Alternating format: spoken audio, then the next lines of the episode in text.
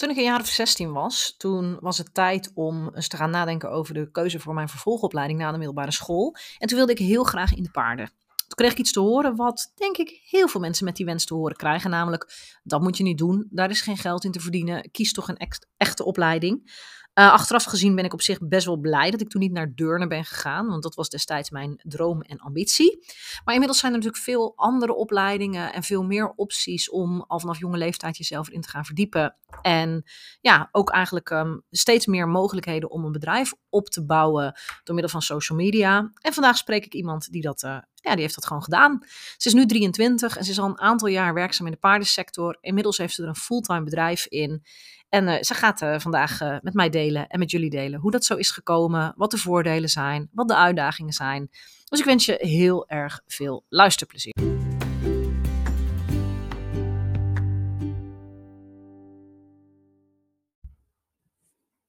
Welkom bij weer een nieuwe aflevering van de Hippische Ondernemers Podcast. Ik heb weer een leuke gast voor je geregeld vandaag. Of eigenlijk is dit iemand die zichzelf geregeld heeft. Want ik had een oproepje geplaatst en uh, toen heeft zij gereageerd. En toen mailde ze mij. Ze zegt: Ja, ik ben eigenlijk nog heel jong.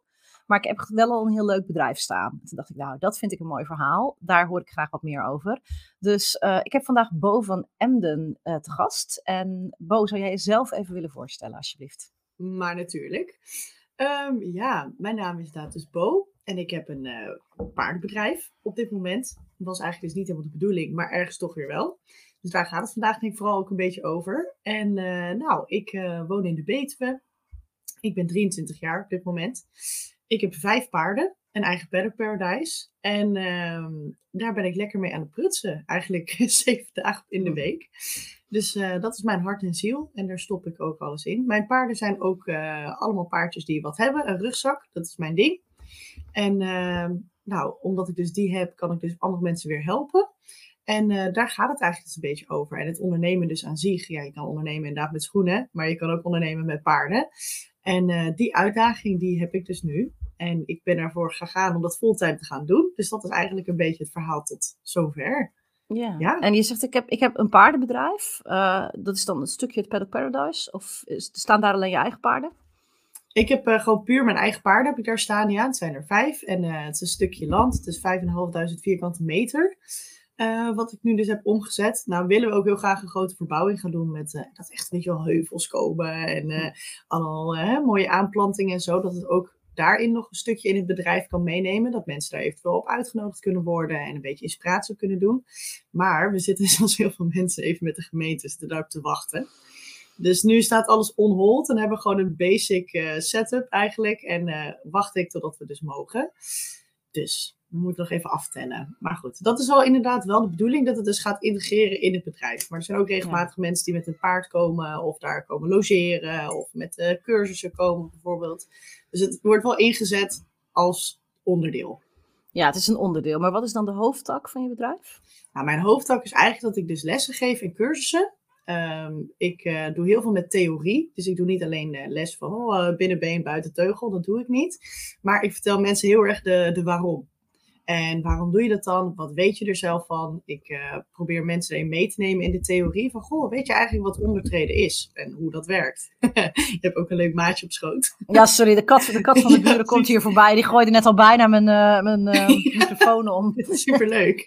ja, het is ook heel schattig. Ja, heel schattig. Ja, dus eigenlijk ja. Uh, het stukje theorie doe ik heel veel mee, omdat ik het zelf niet wist. Dat zal ik dadelijk nog wel een beetje vertellen hoe ik daarbij ben gekomen. Maar dat vind ik belangrijk, dat mensen dat zelf kunnen doen.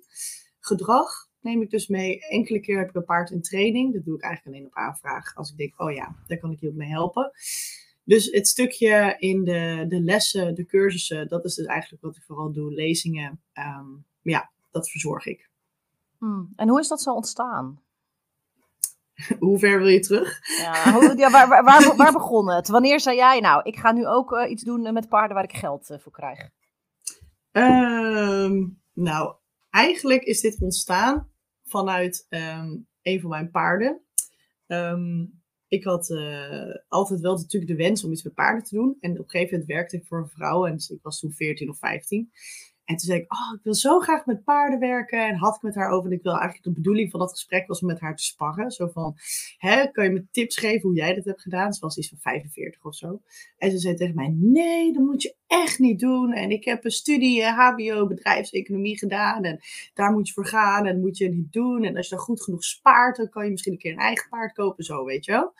Dus toen dacht ik, oh, toen ging dat echt helemaal... Uh, ik dacht, nou, laat maar zitten.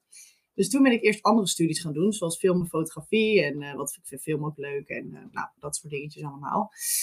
En toen ben ik daar een beetje van afgeweken. Maar ik, elke keer als ik op school zat, weet je wel, ik had dagen tot zeven uur s'avonds. Dan moest ik alleen maar denken, oké, nog twee uur, dan kan ik naar mijn paard. Nog één uur, dan kan ik naar mijn paard. Nou, dat is niet een heel gezond mechanisme voor het leren, zeg maar. Dus zit je er niet helemaal in. Ik vond het wel leuk, maar zit er niet helemaal in.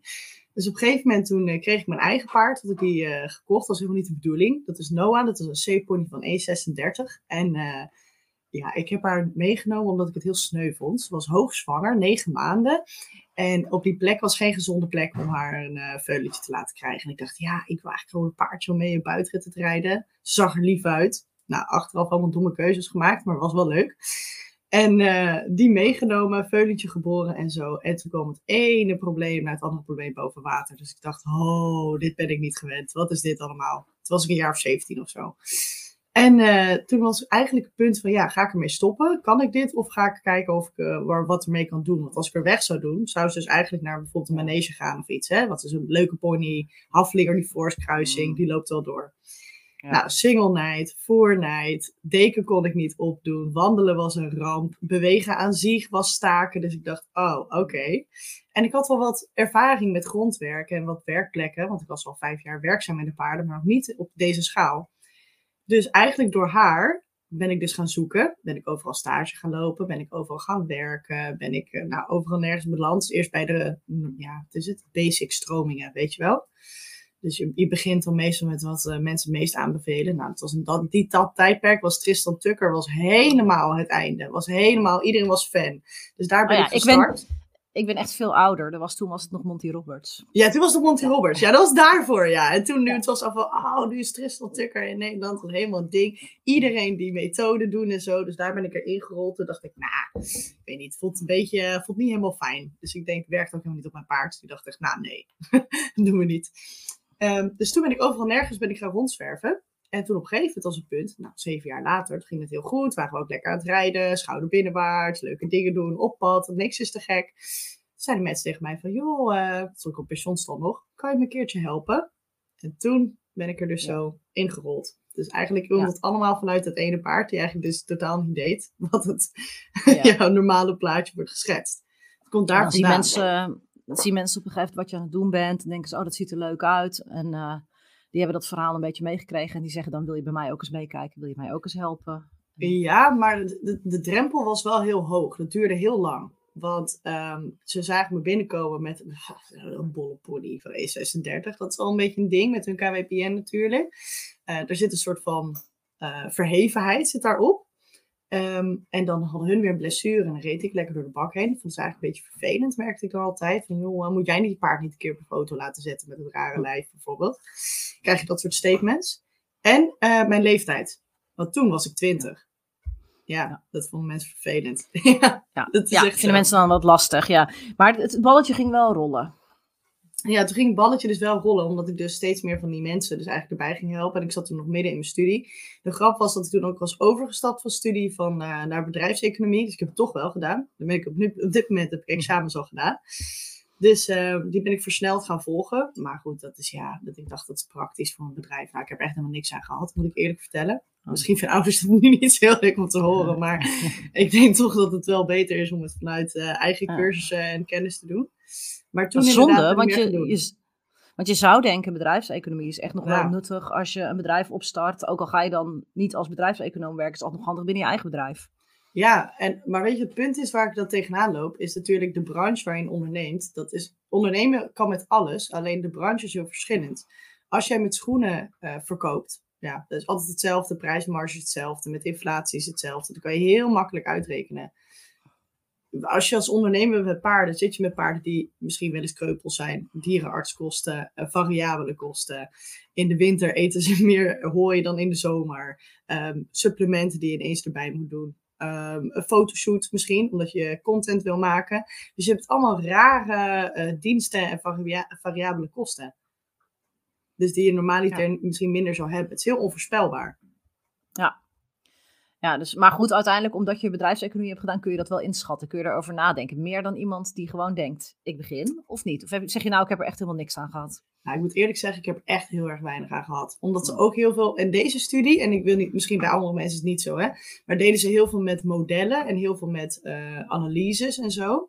Maar dat, dat deed ik dan, paste ik dan toe. Alleen het verandert gewoon de hele tijd is gewoon niet te doen. Ja. Je moet dan het hele model weer bijschaven. En eigenlijk is het dan, ja, in je doelgroep, dan ga je dat uitrekenen. Heb je allemaal van die uh, mooie analyses voor. En uh, weet ik wat allemaal wat je kan invullen. En dan deed ik dat. En was mijn doelgroep, dat, dat klopt helemaal niet.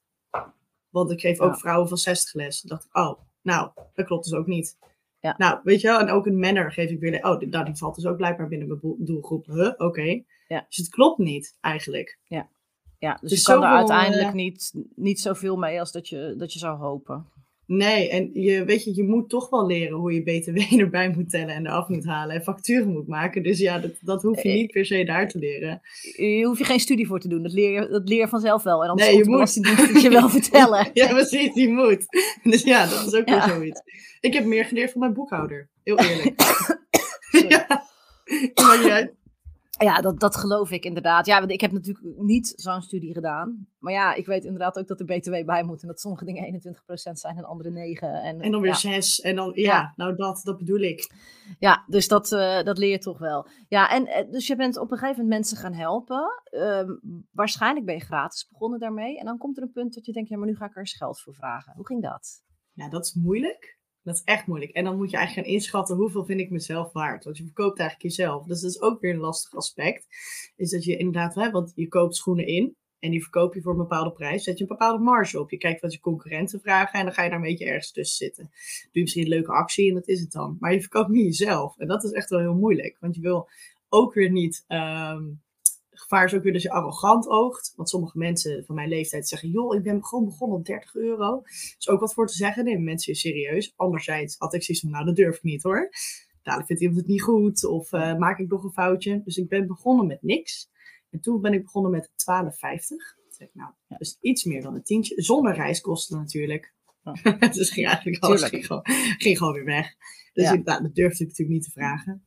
En toen op een gegeven moment kwamen er uh, wat meer mensen binnengerold, vooral op het gebied van grondwerk, want ik ben echt een uh, bewegingsapparaat en grondwerk-nerd. Ik uh, kan maar niet stoppen met daarover te praten en te lezen en te doen. En toen dacht ik, nou, 15 euro, vond een veilig bedrag. En deden andere stalgenoten mee, ben ik zo erin gerollen. Nou, op een gegeven moment is het zo, dan willen mensen aanhaken. En dan zien mensen, wat vooral de leukste mensen vind ik ook, als ik dan ergens in een bak sta en ik sta iets uit te leggen. En er staan drie van die dames staan heel sceptisch naar mij te kijken op een afstandje. Die praten ook niet tegen me dan. Ik zeg hallo en dan zegt ze helemaal niks, weet je wel. En dan uh, ben ik twee of drie keer geweest en dan komen ze toch vragen van, joh, uh, mijn paard doet dit en dit, heb je daar wat voor? Nou zo. Maar dan zei ik dat ik 15 euro kostte en dan hadden ze van, ja, maar dat kan niet goed zijn. Ja. Als je zo goedkoop bent, dat kan niet, uh, dat kan niet kloppen. Dus dan moet je eigenlijk gaan opschalen naar een volgende prijs. Nou, en toen ben ik op een gegeven moment naar 25 euro gegaan. En op dit moment is mijn kennismakersles 25 euro en mijn uh, gewone les 38,50. Dat voel ik me comfortabel bij. Ja, ja. dat is belangrijk hè, dat je gewoon stap voor stap uh, gaat, gaat uh, toewerken. Of nou ja, toewerken naar dat je gewoon op niveau blijft zitten waar het mag best even spannend zijn. Maar je ja. moet nog wel eens trot uitkrijgen. Als ik nu tegen jou zeg, je moet ja. 80 euro gaan vragen, dat gaat hem niet worden. Ja, terwijl dat in principe ook wel zou kunnen. Want als je zou uitrekenen wat ik voor een opleiding heb gedaan en hoeveel ik daarin heb gestoken, dan is dat echt een belachelijke rekensom. Dat gaat echt helemaal nergens over. Dat is zoveel wat je aan opleiding erin stopt en cursussen. Maar ik heb voor mezelf bedacht, dat is nu mijn regel. Ik denk, elk jaar doe ik het verhogen nadat ik weer een uh, scholing of een opleiding heb gehad. Ja, gewoon stap dus voor stap ja, dat is een beetje mijn ding. Terwijl het eigenlijk qua kennis, dat zit er al wel. Maar het is voor mij logisch. Dat, dat helpt nou, jou dan om die stap te kunnen nemen. ik denk ja. Van, ja, ik heb hier weer 900 euro of 2.500 ja. euro. Dat kost gemakkelijk zo'n opleiding. Hè? Dat is echt, gaat nergens ja. over. Dan denk ik, nou, dan mag ik er zelf ook weer wat voor terug. Zo, weet je wel. Precies, ja. Ja, en als je het op die manier gewoon kan blijven bouwen, dan, dan blijft je bedrijf ook lekker lopen, dan blijft het draaien. En dan komt Ja. er zelf een keer een punt dat jij denkt, ja, die 38,50 die voelt niet lekker meer. Ik ben mezelf daarvoor aan het weggeven. Nou, dan ga je Ja. naar de volgende. En ja, dat, is, eh, ja, je moet het ook niet moeilijker maken dan het is, hè? Nee, nee, nee, zeker. Zeker. Nee, maar En- je hebt... ehm, ja? Ja, nee, sorry, zeg maar. Nee, maar je, je- het is inderdaad heel lastig met prijs. En op een gegeven moment was ik ook aan het worstelen met hoe je dat dus doet. Want heel veel mensen doen dat als of contant of met een tikkie. En ik heb uiteindelijk ook voor gekozen, dat is ook een bewuste keuze, om dat bijvoorbeeld ook wit te gaan doen. Ik heb echt een webshop. Daar kan je les boeken. En dan krijg je weer een bevestiging. Of je kan je cursusticket boeken. Daar krijg je dan weer een mailtje van. Dan krijg jij weer een mailtje met alle info. Dus dat is ook een manier. eh, dat is ook een stukje minder werk voor mij. En ook weer een stukje eh, professionaliteit voor de, voor de klant. Dus ook weer een keuze die je maakt. Ja, voor maar je kan uiteindelijk, je kan niet tot je 65ste zwart werken. Je kan niet nee. een succesvol bedrijf opbouwen op basis van eh, de Belastingdienst mag het niet weten. Dat, dat gaat Nee. gewoon niet. Dus er komt dat punt dat je zegt, ik moet nu eh, wel belasting gaan betalen. En dan komt er op een gegeven moment het punt dat er BTW op moet. En Zeker. Ja, die, dat, dat gebeurt gewoon, ja. Precies. Hey, en ehm, nu werk je dus, ehm, ja, je, je draait eigenlijk fulltime in je bedrijf. Hoe ziet dat eruit? Hoeveel uur per week geef je ongeveer lessen? Hoeveel cursussen geef je? Hmm, ehm, ik ben dit jaar begonnen met een pilot cursus. Oh, dat is mijn hond, die is ook allerlei dingen aan het doen. Ehm, dus ik geef, ehm, nou, één à twee keer per jaar doe ik twee tot vier groepen met cursussen. Eh, vind ik voor nu ook genoeg. Dat doe ik in het weekend. Dus dan komen ze hier naartoe, heb je een tweedaagse en een zesdaagse cursus. Dat is echt heel tof. Want dan gaan mensen ook echt groeien en boosten. En ik heb ervoor gekozen, want heel veel heb je eigenlijk alleen training, om dus eerst twee uur theorie te doen en dan twee, drie uur te gaan oefenen in de praktijk. En ik vind dat echt heel vet. Want dan snap, gaan mensen ook een soort van, gaat het vallen allemaal. Die gaan dingen aan elkaar connecten, want alles is met elkaar verbonden. Dus dat is heel vet. Dus dat doe ik ongeveer dan eh, vier groepen per jaar gemiddeld. Dus nou, dat zijn eh, best wel wat weekenden die ik dan eh, kwijt ben. En qua lessen, het, weet je wat het is? Dat is dus de variabele erin. Als het dus lekker weer is, dan doe ik heel veel lessen. Dan kan ik zomaar tussen de vijf en tien op een dag hebben. Dat is echt wel heel Ja. intens, maar dat heb ik wel. Afgelopen twee weken heeft het heel veel geregend. Toen had ik een beetje vakantie. Dan heb ik genoeg andere dingen om te doen op kantoor. Maar dan krijg je natuurlijk niet eh, handje contantje, krijg je daar je geld al voor terug. Want ik heb heel veel projecten die ik nog aan het uitwerken ben. Dus dat is fijn, maar daar krijg je nog niet betaald voor. Dus dat is onhandig. Ja, Ja. en je zit sowieso met de curve doorheen het jaar natuurlijk. Dat je Ja. winters minder hebt en waarschijnlijk in de zomervakantie. Dat er ook een, een dip in zit. Ja, dus op een gegeven moment is het zo, dat is wel echt eh, belangrijk om denk even te benoemen. Ehm, als je gaat ondernemen in deze branche met paarden, dan kan het niet. Nou, het kan. hmm, nou, lijkt me heel moeilijk. Ik denk niet dat het kan dat je je op één ding focust. Ik heb heel veel verschillende soorten dingen die ik dus meeneem om dus mijn brood te verdienen. Dus het is begonnen met die lessen en die staan nog steeds centraal. Die wil ik over een paar jaar wel een beetje gaan afbouwen en die cursussen gaan opschalen. Dat mensen naar je toe komen. Dan kan je ook meer mensen begeleiden op een wat verder niveau. Ehm, maar wat ik ook heb, is bijvoorbeeld eh, een eh, online videoproject dat ik nu aan het opzetten ben. Zodat mensen in de winter die kunnen gaan aanschaffen. Hè? Dat je daar dus eigenlijk een soort van eh, stabielere inkomstenmarge op krijgt. Werkboeken, handouts, ehm, een keer een lezing dat je geeft. Je moet, een beetje, je moet heel creatief worden in waar je je geld in gaat verdienen. Ja, Anders ja, is het- of in de, ja. in de topperiode zoveel uren draaien dat je Ja. het kan opvangen. Ja, dat Eh, maar dan, vinden. dan, ja, dat, dat, ja, dat hangt van je tarief af of dat, dat haalbaar is. En van Ja. het aantal uren dat je wil werken.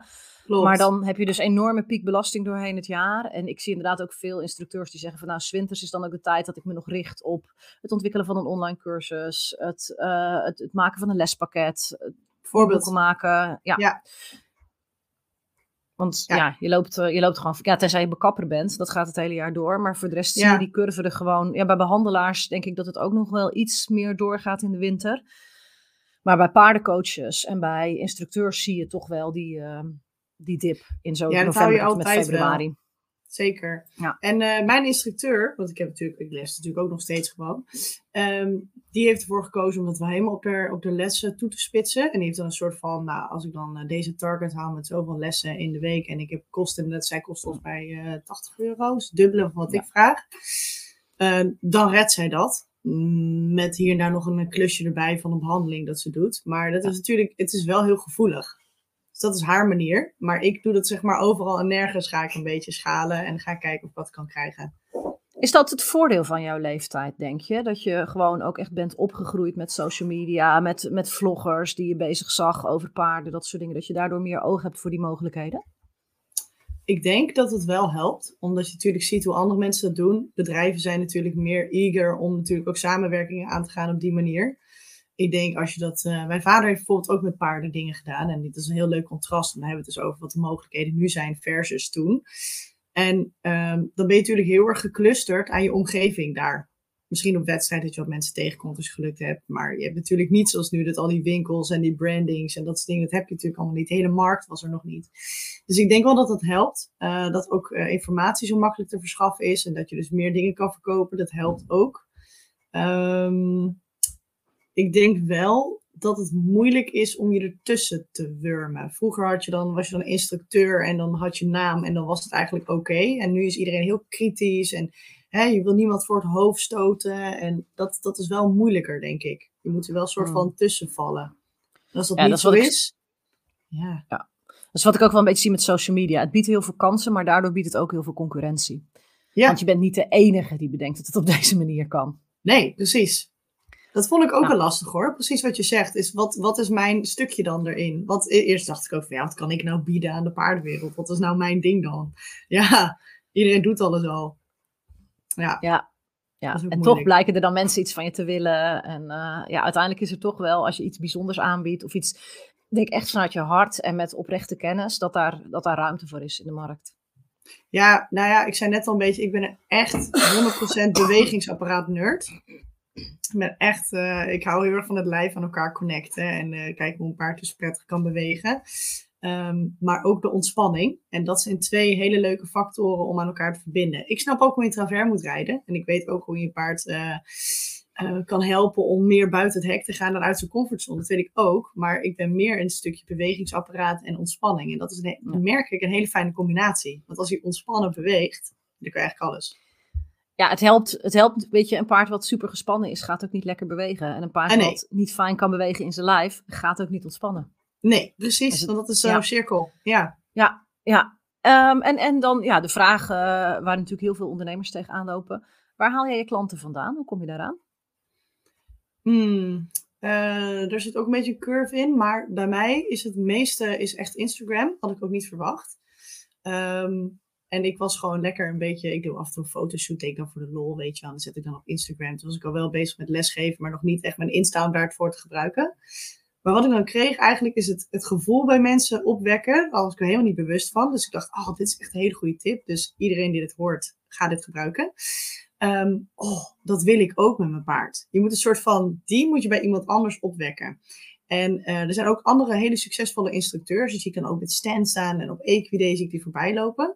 Maar die hebben geen foto's van een trainingspaard of een eigen paard of eigenlijk een portfolio op hun Instagram. En eigenlijk wil je iemand laten zien wat jij doet. Want ik wil ook niet iemand vertellen wat ze moeten doen. Ik zeg gewoon, hé, hey, dit doe ik met mijn paard. En dan wekt het iets op bij iemand van, wow, dat is vet. Dus eigenlijk die website is secundair. Dan denkt iemand, oh, het is nog vetter. Of um, dat contact is ook secundair. Maar die eerste foto of dat filmpje dat ik bezig ben met mijn paard en los aan het longeren ben of de travers doe aan de longe, dat iemand, oh, dat wil ik ook. Dat. Ja, ja Daar haal ik klant uit. Ik, heb een tijdje veel, ik ben natuurlijk geen instructeur, maar ik heb een tijdje veel gedeeld over trailerladen. Ja. En um, Destiny loopt gewoon zo los de trailer op. En elke keer als ik daar een filmpje van deelde, nou niet elke keer, maar met grote regelmaat als ik daar een filmpje van deelde, kreeg ik berichtjes van, hey, kun je mij daar ook mee komen helpen? Juist. Dat is een probleem waar veel mensen tegen me aan, ik doe dat niet. Uh, sowieso denk ik, ja, ik heb daar twee, uur, twee, twee jaar aan gewerkt. Dus weet je, dit is, dit is niet iets wat even in, in drie weken geïnstalleerd staat. Juist, ja. ja, kan wel, maar niet op de manier zoals ik het wil. Uh, maar je ziet dan wel dat mensen da daarvan dan inderdaad denken van, uh, god, dit wil ik ook kunnen. En in, inparkeren bij het opstapkrukje is ook zoiets. Als ik zeg maar Bijvoorbeeld. op krukje ga staan en ze komen direct uit zichzelf aangelopen, vinden mensen ook altijd heel erg leuk om te zien. Precies, precies, met van alles en nog wat. Ja, en daar haal je dus dan die mensen mee binnen. En ook wel mond op mond, ook wel als je op een stal bent, natuurlijk, dat is ook wel zo. Maar als ik dan dagelijks DM's krijg van, joh, hoe zit dat? Of um, kan je me hiermee helpen? Of kom je ook in de buurt van dat? Ja, dat is dan wel, ik denk echt 80% van mijn klantenbasis komt vanuit Instagram. En een paar vanaf de website en een paar vanaf een stal. Maar dat is echt wel de basis. Ja, En een dikke kans dat die vanaf je website komen. Die zijn misschien al via Instagram naar je website gegaan. Juist, juist. Of hadden En je al zeggen- eerder gezien. Precies. Ja, want dat benoemen ze ook. Ik keek net op Instagram en, weet je wel, zo. Ja, Dat dus, is dus leuk. dat is, ja, dus, dus, dus dat is eigenlijk een marketingplatform platform wat voor jou gewoon heel erg goed werkt. Ja, en ik hoef het nog niet ja. eens dus te, te, te promoten of zo. Hè? Dus dat, dat ook niet. Je hoeft ook geen, eh, dat, dat doe ik ook wel eens om eens uit te proberen. Van nou, als ik nou eh, deze, deze video een beetje extra boost, hoe gaat dat dan? Maar eigenlijk, als je dat gewoon, eh, het is heel cliché, maar als je gewoon jezelf bent en je laat gewoon zien wat je kan. Want dat willen mensen toch in die end weten. Wat kan jij? Wat kan je me bieden? Ja, waar kan je me mee helpen? Ja, wat, maak jij voor mij ja. mogelijk? Ja. ja. en dan lost het, maakt toch even niet uit van wat de haalbaarheid is op dat moment bij dat paard. Maar gewoon het gevoel ervan, die magie, weet je wel? De magie van zo'n band met zo'n paard. Ja. Heb je hier wel voordelen van je andere opleiding? Dus je film- en fotografie-achtergrond? Ja, dat is wel. Ik gebruik heel veel. Ik heb ehm, in totaal drie opleidingen gedaan: film en fotografie. Ehm, los van de paardopleiding, hè? Dus daar gebruik ik heel veel uit, ook met audio. Ik heb bijvoorbeeld ook zelf natuurlijk een podcast, daar er nu ook bij. Dat is ideaal, want dan weet ik precies van, oh ja, hoe kan ik dit en dit even gebruiken. Eh, ik heb een meisje dat één keer per week voor mij werkt. En dan kan ik haar uitleggen hoe ze de camera moet gebruiken. Als ik dus een online videoplatform wil gaan doen. Dus echt een tip voor iedereen is, als je daar niet zoveel verstand van hebt, dan zou ik daar gewoon een keer een cursus in doen. Dat is gewoon heel interessant als je het zelf kan. En dat het er goed uitziet. En dat mensen niet denken, oeh, die kwaliteit is echt gewoon heel gek, maar het is heel belangrijk. Als mensen niks doorhebben en ze kijken gewoon lekker video, dan is het goed. Ja. dus dat sowieso. Ik heb ook ehm eh, Equine Sports Management gedaan. Dat is de Engelstalige variant. Zo, op een gegeven moment dacht ik, nou, ik ga gewoon een paardopleiding doen. Dus ik ga het gewoon proberen. Nou, dat was niet echt een succes. Maar het heeft me wel gebracht, net voor corona, naar Ierland. En eh, met allemaal renpaarden en zo. En eigenlijk ben ik daar natuurlijk helemaal niet van. Maar ik dacht, als ik daar toch naartoe ga, dan ga ik wel open-minded in. Ik kan natuurlijk wel gelijk zeggen, nou, het is allemaal vreselijk. Maar ik ga dus even kijken. En er zijn ook alweer interessante dingen die ik ook weer gebruik in mijn Paddock Paradise bijvoorbeeld. Dus de open-mindedheid van die ervaring weer, van het reizen naar het buitenland, neem je ook weer mee. Dat je denkt, oh ja, dat is ook wel heel erg slim. Oh ja, oh ja. En daarnaast natuurlijk bedrijfseconomie ben ik toen daarna gaan doen. Dus die, eh, nou ja, ik, ik, aan die modellen en dat soort dingen, ik heb er niet zo heel veel aan. En ik heb ondertussen ook natuurlijk heel veel op heel veel plekken gewerkt. Ik heb bij heel wat winkels heb ik PR gedaan of ik heb eh, model gestaan voor merken of wat dan ook. Dus dan krijg je ook daar weer een soort van andere point of view in. En ik denk dat dat ook een beetje mijn kracht is, omdat ik overal nergens ben geweest. Dat ik een beetje Ja, daar heb je, dan, heb je dan misschien meer aan dan als een formele opleiding. Dat je gewoon bij allerlei Ja. andere bedrijven ziet. Hoe doen die dat? Hoe runnen die hun zaakjes? Hoe, eh, Ja, hoe pakken die het aan? Ja, zeker. het, sommige dingen staan ook pal tegenover elkaar, maar ik ben wel blij dat ik het ken. Bijvoorbeeld Parelli zou ik zelf nooit gebruiken.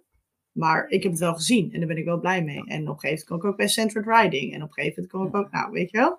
Dus ik ben overal, ja, en je, leert overal wel wat van. Of dat je denkt, oeh, zo wil ik het niet.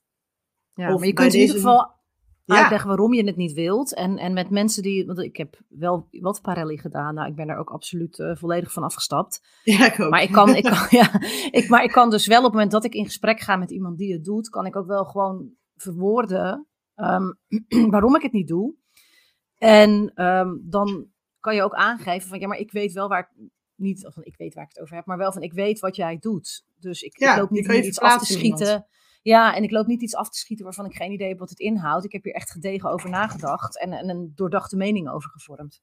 Ja, bijvoorbeeld. Ja, dus dat vind ik ook heel waardevol. Als je dat ook kan doen en ook in iemand kan verplaatsen. Want ik kan me ook voorstellen, wat ik ook heel erg merk als ik ergens kom, is iemand eh, gaat gelijk in verexcuseermodus. Dus ik kom ergens voor de eerste keer.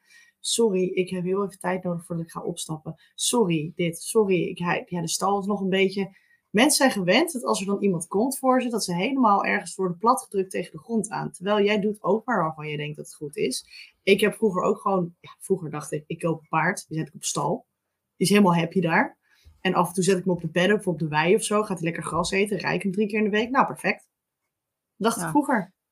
Ja, Maar ik denk dat het is wel interessant wat je nu benoemt, want dat is wel wat je klanten voelen. Want ik herken dat zelf. Ik ben natuurlijk ook regelmatig klant. ik schaf ook van alles aan voor mijn paard en ik, doe, uh, ik neem ook les en behandelingen en weet ik veel wat. Ja. En ik, ik voel die neiging ook. En denk, ja, ik heb toch echt al wel heel doordacht over dingen nagedacht. Ik weet echt wel waarom ik de dingen doe. Maar daardoor weet ik dus ook wat er eigenlijk nog niet optimaal is. En op het moment dat er dan iemand bij mij komt, dan ben ik toch al gauw geneigd om te zeggen, ja, ja, dit moeten we nog veranderen en dat moet nog beter. Ja, en en hij, is, eh, ja, hij is nu nog niet helemaal goed op gewicht, maar eh, ik ben ermee bezig hoor. Ja, dus ja, en dat, dat is wel een, een ehm, soort kwetsbaarheid die klanten voelen en ervaren. Waarvan het wel belangrijk is dat je als ondernemer of als paardenprofessional, als je daar komt, eh, weet hoe je daarmee om moet gaan. Ja, ik vind het echt zielig. Ik heb echt, ik heb echt medelijden dan. Dat ik denk van, jee, dat, poeh, eh, dat, dat jij gewoon, dit is jouw hobby, dit is jouw ding. En ik ga ervan uit, bij iedereen waar ik kom, dat dat eh, allemaal mensen zijn, net als ik, het beste willen voor hun paard. En alleen maar gave dingen willen en mooie resultaten. En ehm, dan vind ik het zo sneu dat mensen dan, ja, het is ook je hobby. Bij de meeste mensen dan, hè, dat het gewoon je hobby is. Dat vind ik zielig. Ja, en ik Ja, heb het zelf dat- ook. Ik heb daar zelf heel erg een handje van. Want ik heb natuurlijk allemaal paarden die van alles en nog wat hebben. Dus als iemand komt, denk ik, ja, weet ik. En ik heb ook heel vaak gehad, ik denk, nou, eh, doe eens niet zo onaardig, weet je wel. Dus dat herken ik ook wel. Maar ik vind het, eh, ik vind het erg. Ik denk van, jongens, het is ook gewoon je hobby. Hè. En soms zijn dingen niet perfect. Of je bent ermee bezig. Of je bent nog aan het zoeken. Prima. Ja, Ja, we draaien elkaar soms wel door hierin. Zeker. We zijn soms wel heel erg goed erin om. eh, kijk, je ziet natuurlijk op Instagram zie je heel veel mooie voorbeelden. En de huisvestingsspecialist laat heel erg zien hoe een mooie huis, hoe een optimale huisvesting eruit ziet. En een voedingsspecialist legt uit van dit is een optimaal voedingsbeleid. Dus je krijgt al die informatie van. De een zegt dit stukje moet goed zijn, de ander zegt dat stukje moet goed zijn, de derde zegt dat stukje moet goed zijn. En als consument krijg je dus van alles te horen dat je het eigenlijk perfect zou moeten doen, zonder dat dat ooit de intentie is van de mensen die het uitdragen. Maar dat is wel het wat bij, bij klanten kan ontstaan. Ja, dus op het moment dat je daar het erf op stapt, is het, vraagt natuurlijk wel veel sensitiviteit van jou en je collega's om daar eh om Ja, mensen over het- de bolletje te aaien. Dat, dat. En ehm, ik ben altijd heel eerlijk, maar ik heb ook zoiets van als ik dus bij iemand kom, zeker de eerste keer. Het eerste wat ik doe, is dat ik een oprecht ook altijd vanuit het hart, maar een compliment geef van, goh, mooi paard heb jij. Wauw, wat een mooie locatie. Dat iemand een beetje inzakt in van het is oké, weet je wel. En dat is ook eh, niet dat ik gelijk hup, eh, focus erop leg en naar de paard ga kijken. Van nou, want natuurlijk zie ik wel dingetjes, maar daarvoor ben ik er juist om wat suggesties te opperen. En niet om jou te vertellen wat jij moet doen. Dus pak ervan wat je wil. Eh, Hetzelfde is, ik kom ook wel eens bij mensen en die, die hebben ook natuurlijk zo'n pad bewandeld met paarden, maar die zitten in sporen, zware bitten en bijzetteugels. Kijk, ik kies er persoonlijk niet voor om dat te doen. Ik eh longeer altijd zonder iets en eh, soms zelf helemaal zonder kaptoom of whatever. En dat is mijn manier. Maar ik kan wel begrijpen dat als jij die informatie, precies zegt, je, en zij komen dan bij andere informatie uit, bij een stalgenoot die dan dat heeft gezegd, en dan ga je eigenlijk ook naar die lezingen toe, of ga je daar ook je boeken van kopen van eh, longeren met bijzetteugels. Wie ben ik dan te zeggen van, eh, goh, eh, hoe, hoe kan je nou dat doen? Of dat zou ik nooit zeggen. Maar wat ik wel zou zeggen is van, goh, eh, zou je het willen proberen om eens een keer zonder te doen? Eens kijken of het dan hetzelfde resultaat geeft. Waarvan natuurlijk ik weet dat het paard dan nog fijner gaat lopen als je het op een goede manier doet. Maar dan zou ik dat zo aanvliegen. En ik zou nooit tegen iemand zeggen van, goh, wat ben jij nou eh, gek aan het doen? En eh, dat soort dingen zou ik dan niet roepen. Het is helemaal niet eh, vruchtbaar. Het helpt vaak niet. Zijn er wel ehm, klanten, want ik, als ik jou dit hoor vertellen, dan denk ik, nou, nobel dat jij er naartoe gaat. Ik zou er echt vreselijke buikpijn van krijgen. En ik zou echt zeggen, sorry, maar ik verwijs je mooi door naar iemand anders. Ja, Zijn er plekken waarvan jij zegt, ja, maar daar ga ik echt niet heen? Of dan hoef je natuurlijk geen namen van stallen te noemen nu, hè? Nee, nee, maar nee, gewoon situaties. eh, Nou, ik heb eigenlijk, omdat het zelf natuurlijk heel ver van mij afstaat, dan ehm, vind ik dat natuurlijk net zo lastig. Alleen ik ga kijken of iemand open staat om te kijken van nou kan je het op een andere manier doen. En eigenlijk is dat tot nu toe wel gelukt. Met kleine stapjes en dingetjes. En zelfs iemand die ik ken, die is eh, van een paar twee uur per dag naar buiten, heeft hem ook nu naar een paddock paradise gezet bijvoorbeeld. Dus mensen willen dan wel dat zien, maar het gaat dan langzaam. En niet iedereen, hè, maar waar ik ben geweest. Maar er zijn absoluut mensen waarvan ik inderdaad denk van nou, maar dit gaat never matchen. Dat gaat gewoon niet gebeuren. En ik denk dat het komt omdat het mensen zijn met een, eh, ehm, een vibe om zich heen. Die denken van, eh, ja, hoe zeg je dat? Het is moeilijk soms om te omschrijven. Maar sommige mensen hebben een beetje een vibe om zich heen die heel erg nog in het prestatiestuk zit. En dan sla je denk ik in mijn optiek heel veel over, omdat je met een dier werkt. Ik vind het ook raar, want we streven dan naar perfectie. Ben een dier dat alle kanten op gaat. Ga dan tekenen of eh, zorg eens dat je iets in controle hebt, maar met een paard dan niet.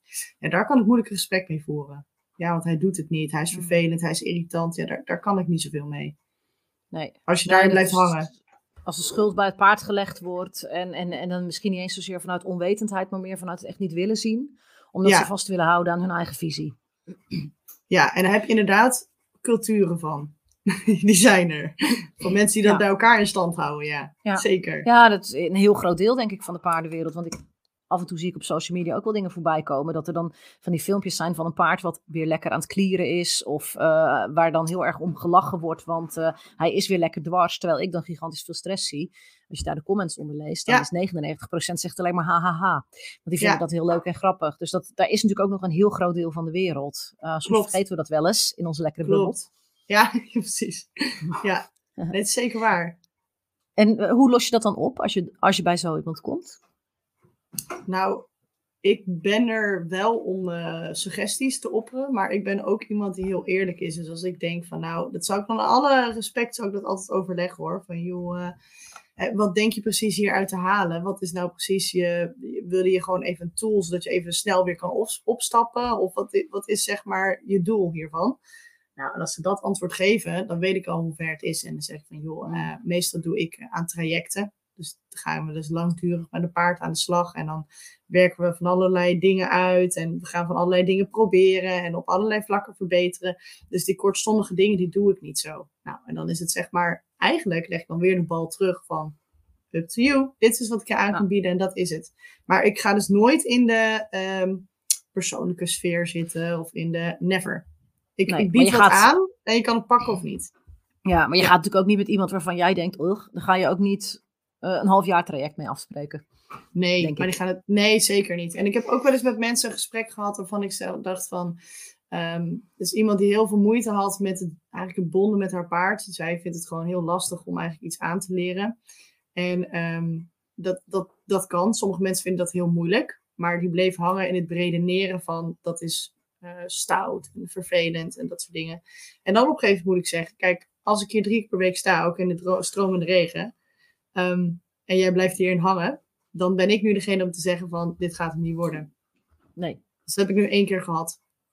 Maar dat is dan, ja, wat kan zij dan zeggen? Ja, oké. Ja, Ja, dan zal ze teleurgesteld zijn en verdrietig en onaardige dingen over jou zeggen tegen stalgenoten misschien. zou ja, kunnen. Ja, omdat drie, dat, dat, is, dat is toch een kleine prijs voor die vrijheid die je terugkrijgt door daar niet meer drie keer in de week te gaan staan. ja, en heel stom gezegd, met, het, met de aanvragen die ik nu heb, voor haar drie anderen. Dus dan denk ik, ja, dan is dat maar Ja. zo. Succes. Dat is, ja. ja, so be it. En ik So denk dat naarmate, doordat je natuurlijk op Instagram al ook veel laat zien van hoe je werkt, en zeker de via-via mensen, dat filtert natuurlijk al een hoop uit. Daardoor is het al, zi- zijn er al een, een, hoop mensen ook die op jouw Instagram zullen kijken en denken, "Ja, maar ik heb hier niet zoveel mee. En dat is helemaal oké.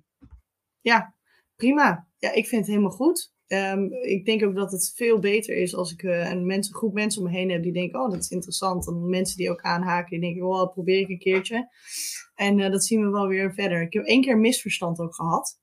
Met iemand die eh, een eh stallesdag had eh, afgesproken. En die wilde mij heel graag hebben. En toen dacht ik, nou oké. En ik had eigenlijk heel druk die week, weet ik nog. Dus ik had eigenlijk zoiets een beetje much om dan nog een keer een dag zeven mensen te Mm. hebben in mijn, semi-weekend.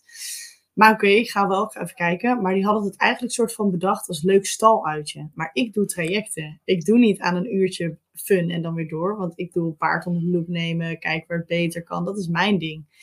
En eh, dan kom je inderdaad in een bubbel met mensen die dat dan even voor de leuk doen. Maar voor de rest gewoon zes keer per week rijden en niks ermee Ja. doen. Dus dacht ik, auw. Ik heb de dag wel afgemaakt. Maar ik vond het wel eh, heel pittig. Dat is, ja, en dan kan je beter maar zorgen dat je... Tenminste, ik heb altijd liever dat mensen op mijn Instagram kijken of een podcast luisteren en denken, get verdemmen, dit past niet. En dan gewoon Ja. weer lekker weggaan en iets anders gaan doen. Dan dat ik er anderhalf uur, ja, dat ik er al anderhalf uur mee in een kennismakingsgesprek zit. En dan denk dat ik dan de boodschap moet gaan brengen van, nou, ik Ja. zie dit niet zitten. Dan jaag ik ze liever van tevoren een beetje weg. Ja, precies. Ja, dan doe dan liever dat maar. Ja, precies. Ja. Nou, dat. Ja, Ja. dat was ook een beetje jammer. Ja, dat is wel denk ik het risico van, van grondwerk en dergelijke. Hè? Dat, dat kan op sommige plekken kan dat nog een beetje in het, eh, inderdaad, van dat doen we één keer eh, in de drie maanden, hebben we een keer een dag met eh, iets anders. Hè? We gaan een keer boogschieten, en we gaan een keer klikkeren, en we gaan een keer schriktraining doen, en we gaan een keer grondwerken. Terwijl dat dan Ja. niet onderdeel is van de levensfilosofie, als het ware.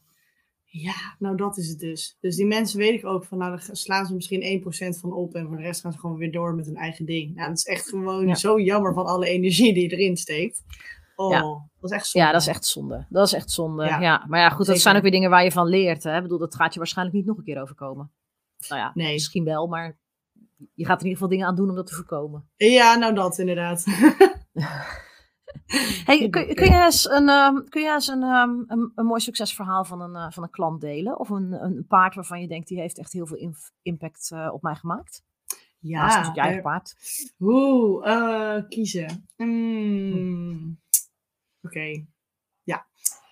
Op een gegeven moment kwam ik, ik had ergens jarenlang op pensionstal gestaan en zij was een kennis van mij. En eh, we kenden elkaar vaag en we hadden wel eens een keer een buitenritje gereden, maar toen had ik al lang mijn bedrijf nog niet. Maar zij is me altijd wel blijven volgen. En toen op een gegeven moment, wist ik helemaal niet, was die pony, die was helemaal niet goed geworden. Dus die was heel slecht gaan lopen. Niet kreupel, maar raar. En ehm, allemaal rare signalen, stresssignalen dat hij gaf. Nou, ze had hem naar de kliniek meegenomen en eh, niks gevonden. Op foto's niks, helemaal klaar. En ik weet nog dat ik op vakantie was. Ik denk, ik ga op vakantie. En toen kreeg ik van haar een stroom met appjes en filmpjes. Zo van, wat, ik weet het gewoon niet meer. En ik zag jouw Instagram en je doet hier heel veel mee. Dus wat is dit nou? En eh, ik zag hem zo lopen en niet kreupel, maar wel raar. En ik dacht, ja, ja, wat is dit nou? Toen moest ik denken aan een andere lesklant die ik had. En die heeft een paard die een vernauwing heeft in zijn nekwervel. Dus dat het niet helemaal lekker naar achter doorloopt. En ik dacht, ja, het lijkt alsof die een soort van spierbevanger is. Ja. Maar dan heel lokaal op sommige plekken. Dus het ziet er heel raar uit. Dus ik zo kijk, ik zeg, ja, het doet me een beetje denken aan of iets van een eh, beknelde wervel, dat het niet helemaal het signaal doorgaat. Of het doet me een beetje denken aan de ziekte van Lyme of zo. Weet je dat hij een beetje vast zit. Nou, zijn onderzoeken gedaan. Nou, denk je, beknelde wervel en de ziekte van Lyme. Dus ik dacht, Ja. nou, ik ben helemaal geen dierenarts, maar dat is dan wel heel grappig. want Dat leer je dan van een vorige ervaringen. Dat ik dacht, wow, oké. Dus nou, toen kon zij dus iets gaan doen. Dus medicatie dus gaan geven voor de ziekte van Lyme. En eh, met die beknelde wervel, daar kan je niet zoveel mee, behalve dus bewust van zijn en dus wat minder snel, sneller reactioneren. Nou, dit paard, het liep zeg maar, ik ga het nu even met mijn hand voordoen, maar ik zal het even beschrijven, zeg maar, Mm. continu zo, in een banaanvorm. Hij liep zeg maar continu helemaal rechtsgebogen, was een wandelende banaan was die.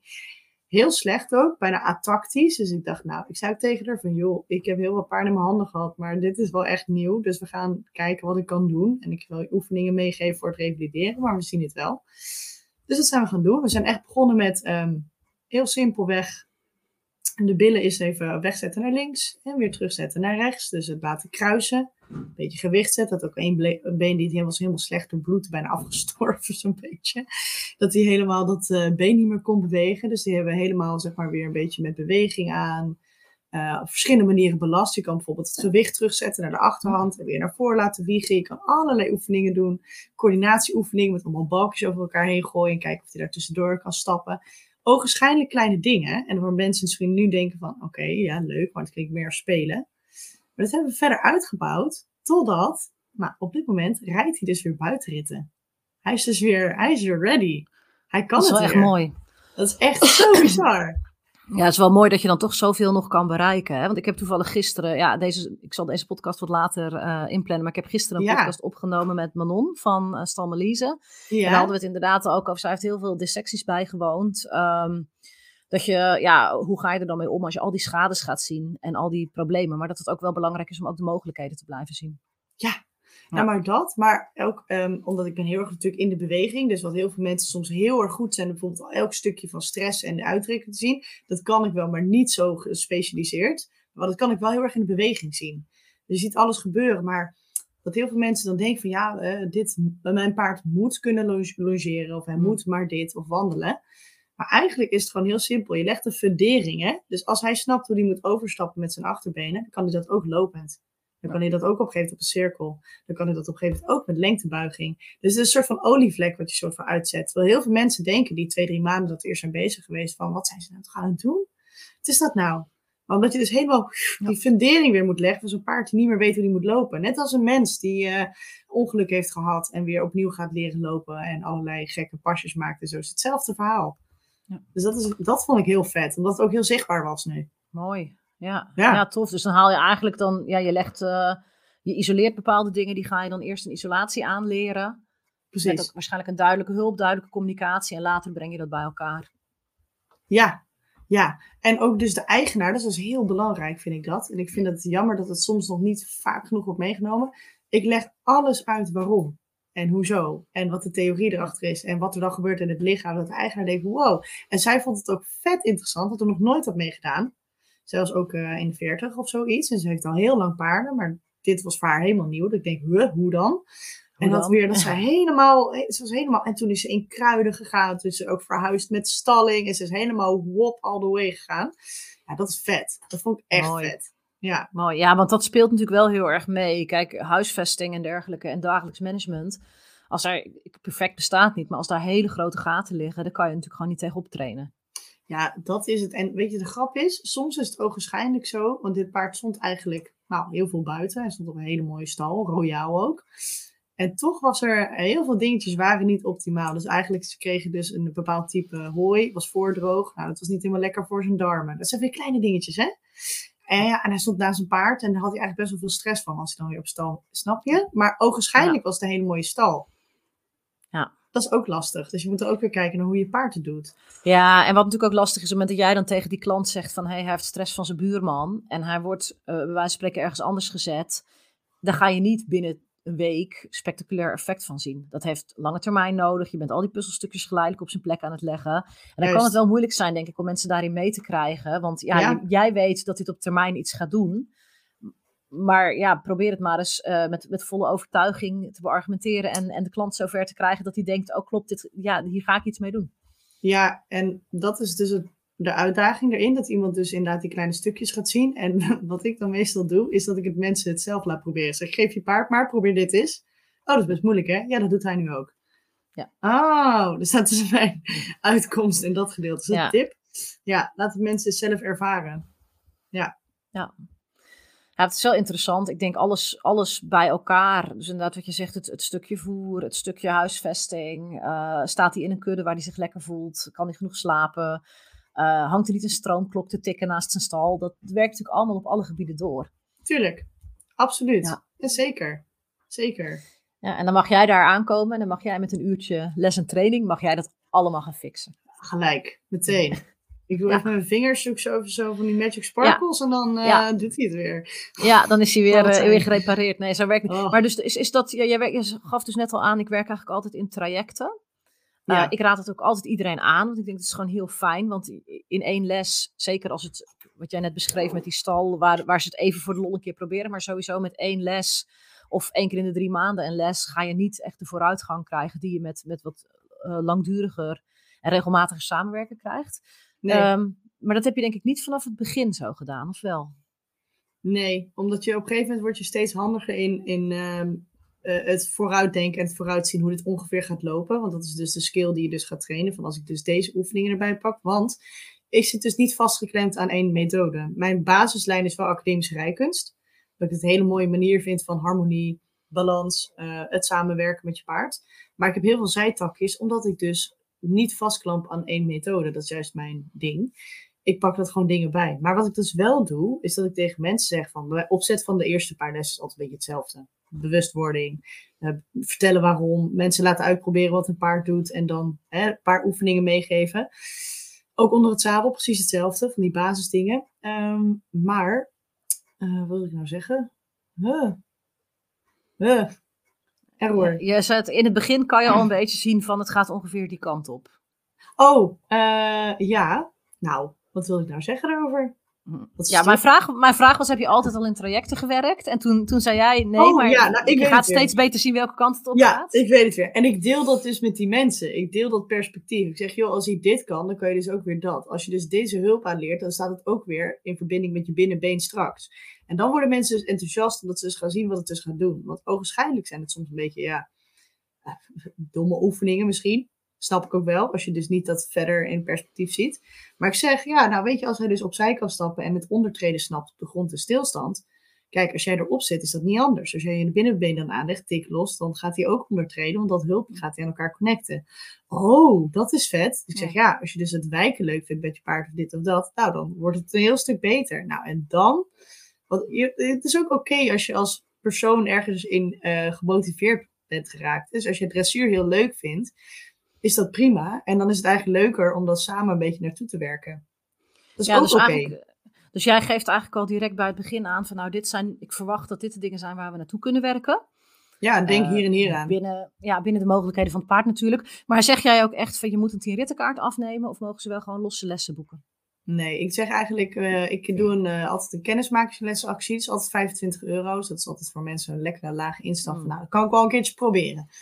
En dan vertel ik dus daarin wat ik dus zie aan het paard. Eh, dat is heel grappig, dat is echt heel leuk. Ik wil altijd het lijf onder het loep nemen. En ik kan in stilstand zien, niet alleen of hij links en rechts gebogen is, maar ook wat zijn voorkeursvoorbeen is. Wat zijn voorkeursachterbeen is, waar Ja. de oorzaak ligt, waarom die ergens scheef is gaan lopen.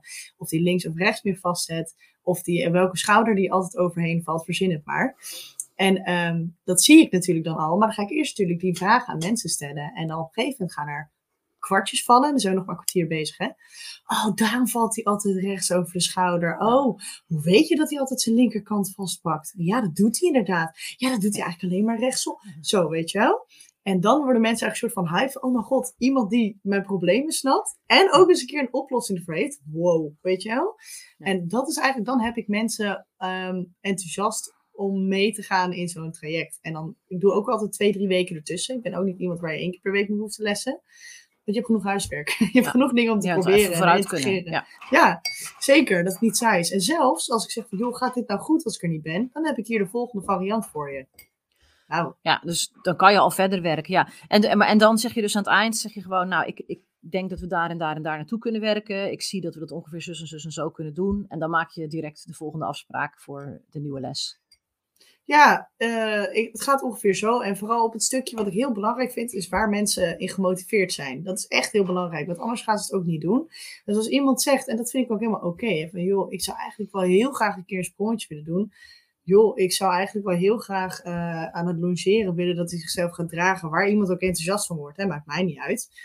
Dan gaan we natuurlijk daar iets mee verbinden. En dan wordt het leuk, want dan heeft iemand ook een soort van perspectief. Dus ik zeg van, joh, jij zou graag buitenrit, eh, buitenrit willen doen. Nou, we zien dat je paard nu heel erg scheef is. Hè, dat is nu voor hem niet zo heel erg prettig. Maar als je dus deze oefeningen gaat doen, ik kan het ook buiten met het wandelen doen. Oh, nou, dan wordt het leuk. Dan wordt het gewoon geïntegreerd in iets. Ja, Ja, dus eigenlijk vooral de focus houden op waar ze naartoe werken en waar hun eh, motivatie op zit.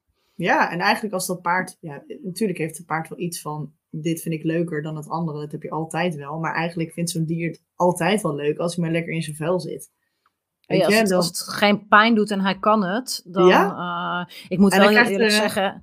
Ik, ik werk zelf natuurlijk af en toe met, met andere paarden. En dan zie ik wel heel veel paarden die bijvoorbeeld al niet eens relaxed in de bak kunnen zijn. Nee, dat is dus echt eh red flag, zeg maar. Ja, Ja, Dan, eh, en da- dan wordt het wel heel lastig natuurlijk om ook echt ergens naartoe te gaan werken. Maar ik denk als de basis goed zit, dan, dan vinden ze het vaak wel heel leuk om wat te doen. Ja, en dan willen ze wel graag meewerken. Sowieso, sowieso. En ik denk ook als zo'n dier. eh, we, we trainen niet alleen het trainen, maar we trainen ook de mindset. Want ik zei Ja. al tegen jou van nou, ik ben heel veel bezig met ontspanning. Dus ik ga niks anders doen voordat hij ontspannen is. Maar ook wat heeft hij eraan? Dat is ook wat ik dus met mensen van ja, want eh, besef je dat als we hier bezig zijn en we gaan een uur iets doen wat hij heel moeilijk vindt, wat heeft hij eraan? Ja, niet zoveel. Krijgt hij wel eens een koekje van jou? Mag dat? Ja, dan word je eigenlijk opdringerig van. Ik zeg, is dat zo? Zullen we het eens proberen? Ja, Ja? ja. En dus eigenlijk maak het ook leuk voor hem. Tuurlijk, tuurlijk. En wat vindt hij leuk om te doen? Ja, vindt het eigenlijk wel leuk om altijd even los te rennen. Nou is goed, doen we dat. Prima. Ja. Ja, dus eigenlijk zowel, zowel bij de mens als bij het paard zoeken naar de, naar de motivator. Ja, want anders wordt het hem niet. Dus we moeten zeg maar dat een beetje gaan samensmelten. En soms is de conclusie een enkele keer dat het paard en eigenaar daarbij niet bij elkaar passen. Dat kan. Dat Ja. kan. Ja. Ja, maar dat, dat gebeurt helemaal niet vaak. Maar het komt dan meer omdat de eigenaar een bepaalde mindset heeft dat het paard niet helemaal kan trekken. Dat is het. Ja, meer. als jij natuurlijk iets van je paard wil wat hij gewoon niet kan. ja, Ja, ik, ik, weet je, mijn paard, daar kan ik niet alleen mee buiten rijden. Sowieso kan er niet op rijden. Maar ik, ja. Ja. kan er wel op rijden, maar dan gaat hij kapot. ja, Eh, precies. maar maar ik, het, dat is fysiek, maar mentaal, emotioneel gezien kan ik daar, daar kan ik echt niet mee in mijn eentje op buitenrit. Ik heb het wel gedaan in het verleden en gedragstechnisch is het wel te trainen, maar ze gaat het nooit leuk vinden. nee. Ja, als ik dan eh, per se drie keer per week naar buiten wil, anderhalf uur, ja, dan, dan hebben we een probleem met z'n tweeën. Nou, precies. Dus dat, en soms heb je dat dus gewoon. Dus dan moet je of dus een compromis gaan maken. Of je moet inderdaad zeggen, nou, ik ga me totaal storten in die gedragstraining. En we gaan dat eh, doen. We hebben er alle tijd voor. En dan, nou, dat, dat zou kunnen. Hè? Is een optie. Of je zegt van, nou, het is de keuze, we passen niet bij elkaar. Ja, dat kan ook. Sure. Ja. Ja, soms Ja? is dat ook zo. En ik moet heel eerlijk zeggen, wat ik, mijn, mijn dromen matchten niet heel erg bij mijn paard. Maar ik ga er niet weg doen, want ik weet dat ze dan niet goed terecht gaat komen. Hè? Wat, hetzelfde wat jij zei met jouw paardje. Zeker. Ehm, ja, die van jou is een leuke manegepony. Die van mij die, eh, heeft een knap hoofd, dus daar zouden ze misschien nog een fokmerrie van maken of zo. Maar dat, dat gaan we dus gewoon niet doen. Maar toen, Nee. ik heb een tijdje daar wel heel erg mee gestruggeld. En wat ik toen gedaan heb, is dat ik gewoon ehm, een paard ben gaan bijrijden. Om, om toch buiten te kunnen rijden. En Ja. dan met mijn eigen paard te kunnen doen wat zij leuk vond. En wat ik op zich ook leuk vind, hè, grondwerk en dat soort dingen. Ja, Maar dit stukje buitenrijden, wat ik toen nog niet kon loslaten, ben ik gewoon ergens anders gaan halen. en dat is toch ook prima? Ja? Dat, Ja, dat, dus- het lijkt mij alleen maar meer dan normaal dat je dan ook zeg maar daarin gewoon eh, wat gaat opzoeken en zo. Ja. en dat had ik ook. Hè. Ik ben heel fanatiek geweest met het ponyke, zes jaar lang, om dat allemaal op te krikken. En toen op een gegeven moment kreeg ik hier mijn eigen plek, kreeg ik de kans. En toen dacht ik, ik laat het helemaal los. Dus wat ik toen heb gedaan, is helemaal vanaf scratch ben ik begonnen om te kijken wat ze aan kan. En eh we zijn nu lekker aan het eh, spelen en daddelen samen. Dus we doen wel een traversje erop. En alles wat ik doe is alleen maar in het oog op onderhoud van haar lijf. Mijn andere paard, het haar veulentje, heb ik dus nog steeds. Die heb ik gehouden. Moeder en dochter. Eh, die is helemaal top. Die is lijftechnisch zit die ook helemaal fijn in elkaar en zo. Ja, die kan mij af en toe wat teruggeven. Dus die kan af en toe zeggen van ja, prima. Weet, die, die trekt het prima om een buitenritje te doen. En om een ritje en dit. Het is nu 5 à 6, dus vindt het alleen maar fantastisch. Dus denk ik, ja oké, wanneer gaan we weer? Haar moeder daarentegen, ja, die, dat is een belasting. Dus dat is gewoon, ga je de min in op het moment dus dat je heel erg veel dingen gaat doen. Dus als, alles, als alle ballen in de lucht hangen, dan doen we een buitenritje. Een half uur, lekker stappen. Weet je, dat vindt ze ook fun. Ja. Dat is het ding niet, maar dat is alleen maar revaliderende training. Maar ik heb dus Ja. losgelaten dat ik met haar dus dingen moet laten zien om haar weer te verbeteren. En voor wie doe ik dat dan eigenlijk? Dat is eigenlijk ligt in het midden. Hè? Ja. Eh, Waar zit ik dan aan te Ja. trekken? Dus wat ik nu doe is ook leuke dingen, maar dan laat ik dus filmpjes zien dat ik haar dus eigenlijk vanuit stilstand in galop probeer te zetten aan de launch, wat heel veel mensen vet vinden. Maar eigenlijk doe ik dat zodat ik haar meer op de billen kan zetten en dat ze sterker wordt in haar eigen lichaam. Het is gewoon omwille van haar. Dat is het enige. Dat er iets leuks uit wordt, is fun. Ja. Ja. That's it. Maar heel veel mensen zeggen van ja, en dan kan je niet met Noah weer schouder binnen oppakken en dat kan zo goed. Ja, dat kan zo goed, Ja. dat niet. Ja. Ja, maar dat is. Heb je wel eens klanten die er echt niet in mee kunnen? Want ik, ik zie om me heen wel redelijk wat mensen die toch echt hun dromen moeten bijstellen. Omdat blijkt dat eh, dat toch niet kan op de paardvriendelijke manier die ze eigenlijk voor ogen hadden. Eh, en het merendeel daarvan kan dat. Maar ik zie ook wel mensen die dan toch een soort van de kop terug het zand insteken. En denken, ik ga het gewoon toch doen. En dan maar wel met meer druk en met meer. eh, Enkeling. Ja, Ja.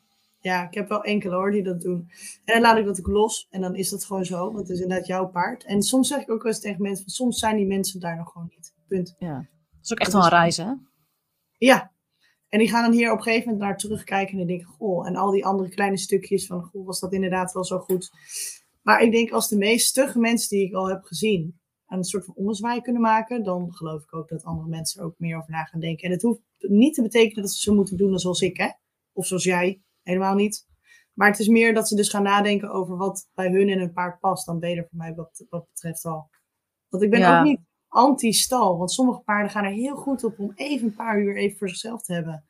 Ik heb er zelf heen staan. Ik vind dat heerlijk. Ik Ja. moet heel eerlijk zeggen, ehm, er, er zijn dagen in Nederland met bepaalde weersomstandigheden dat ik denk als we nu voor alle paardjes in de groep aparte boxen hadden, zou het wel eigenlijk heel fijn zijn, want dan konden ze lekker even een nachtje naar binnen. Nou, dat heb ik ook. Die hebben we niet, want ik heb of de keus, ze gaat ergens eh, zes- 16 uur per dag tot 20 uur per dag op stal. Of ze staat ergens buiten met een inloopstal voor de hele groep. Dan kies ik dus voor de inloopstal met de hele groep. Ja. Maar ik kan me best wel voorstellen dat er mensen zijn die zeggen van nou, we gaan toch eens even... Hè, of, en ook gewoon het praktische wat je aan mogelijkheden hebt. Hè? Niet in alle regio's kun je buitenplekken Nee. vinden. Nee, en dat is ook oké.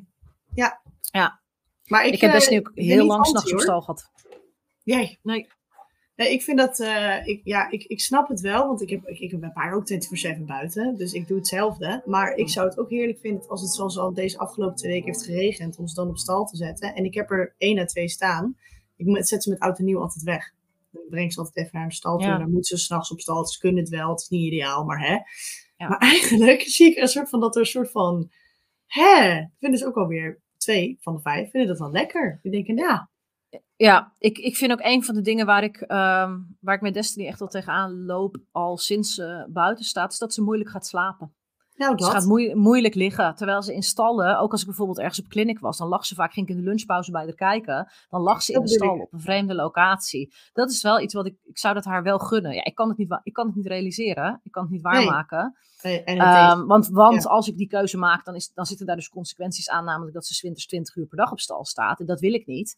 Maar Nee. dat zijn wel ehm, dingen waarvan ik denk, je zal mij nooit horen roepen. Geen enkel paard mag ooit in een box. Ik ben natuurlijk wel heel kritisch op mensen die zeggen, ja, hij staat gewoon heel graag op stal en hij gaat altijd naar binnen. Ja, Dat is anders. krijgt brokkies. Ja. En als je, en als je Ja. de deur open zou laten staan, stond hij over een half uur ook gewoon weer buiten. Maar die keuze krijgt hij niet. Maar nee, dus ik, ik, ik ben ook niet per se. En ik zie ook heel erg de, de praktische mogelijkheden die, die mensen daar vaak in hebben.